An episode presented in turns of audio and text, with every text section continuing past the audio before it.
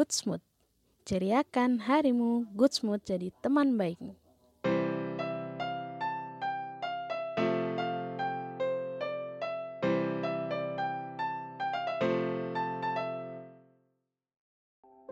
Assalamualaikum warahmatullahi wabarakatuh. Halo Sobat Smooth, kembali lagi di Good Smooth. Ceriakan harimu, Good Smooth jadi teman baik. Di episode kali ini, aku akan coba membahas tentang hijrah dan rumus dalam berhijrah. Sebenarnya apa sih hijrah itu? Padahal istilah hijrah sering kita dengar saat ini. Dan bahkan istilah hijrah sedang menjadi tren di kalangan anak zaman sekarang. Hijrah itu adalah proses meninggalkan sesuatu atas dasar tujuan untuk lebih mendekatkan diri kepada Allah. Hijrah itu bukan hanya sekedar merubah penampilan, tapi hijrah juga merubah kita dalam hal berucap, berteman, dan juga beribadah kepada Allah. Lantas, apakah rumusan dalam berhijrah itu? Rumus dalam berhijrah itu aku singkat dengan tiga T. Terpaksa, terbiasa, dan terasa. Dimulai dengan rasa terpaksa, lama-kelamaan menjadi terbiasa, hingga akhirnya hijrah itu semakin terasa. Kenapa sih dimulainya dengan rasa terpaksa? Karena tanpa adanya paksaan kepada diri ini, biasanya diri ini selalu menganggap remeh.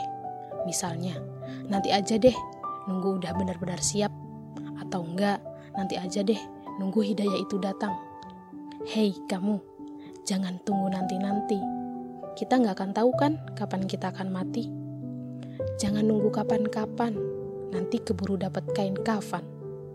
Hidayah itu datangnya dijemput, bukan hanya ditunggu.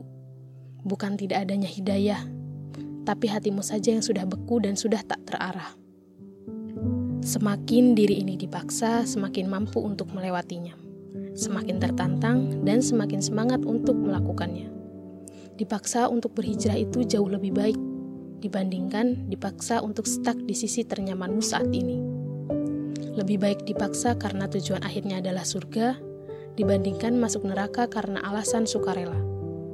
Yuk, coba untuk berhijrah, karena hijrah itu merupakan kepanjangan dari hidup adalah pilihan, ingin lebih baik adalah tujuan selanjutnya.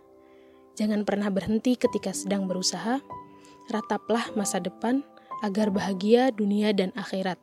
Harus tetap istiqomah ya, walaupun terasa sulit.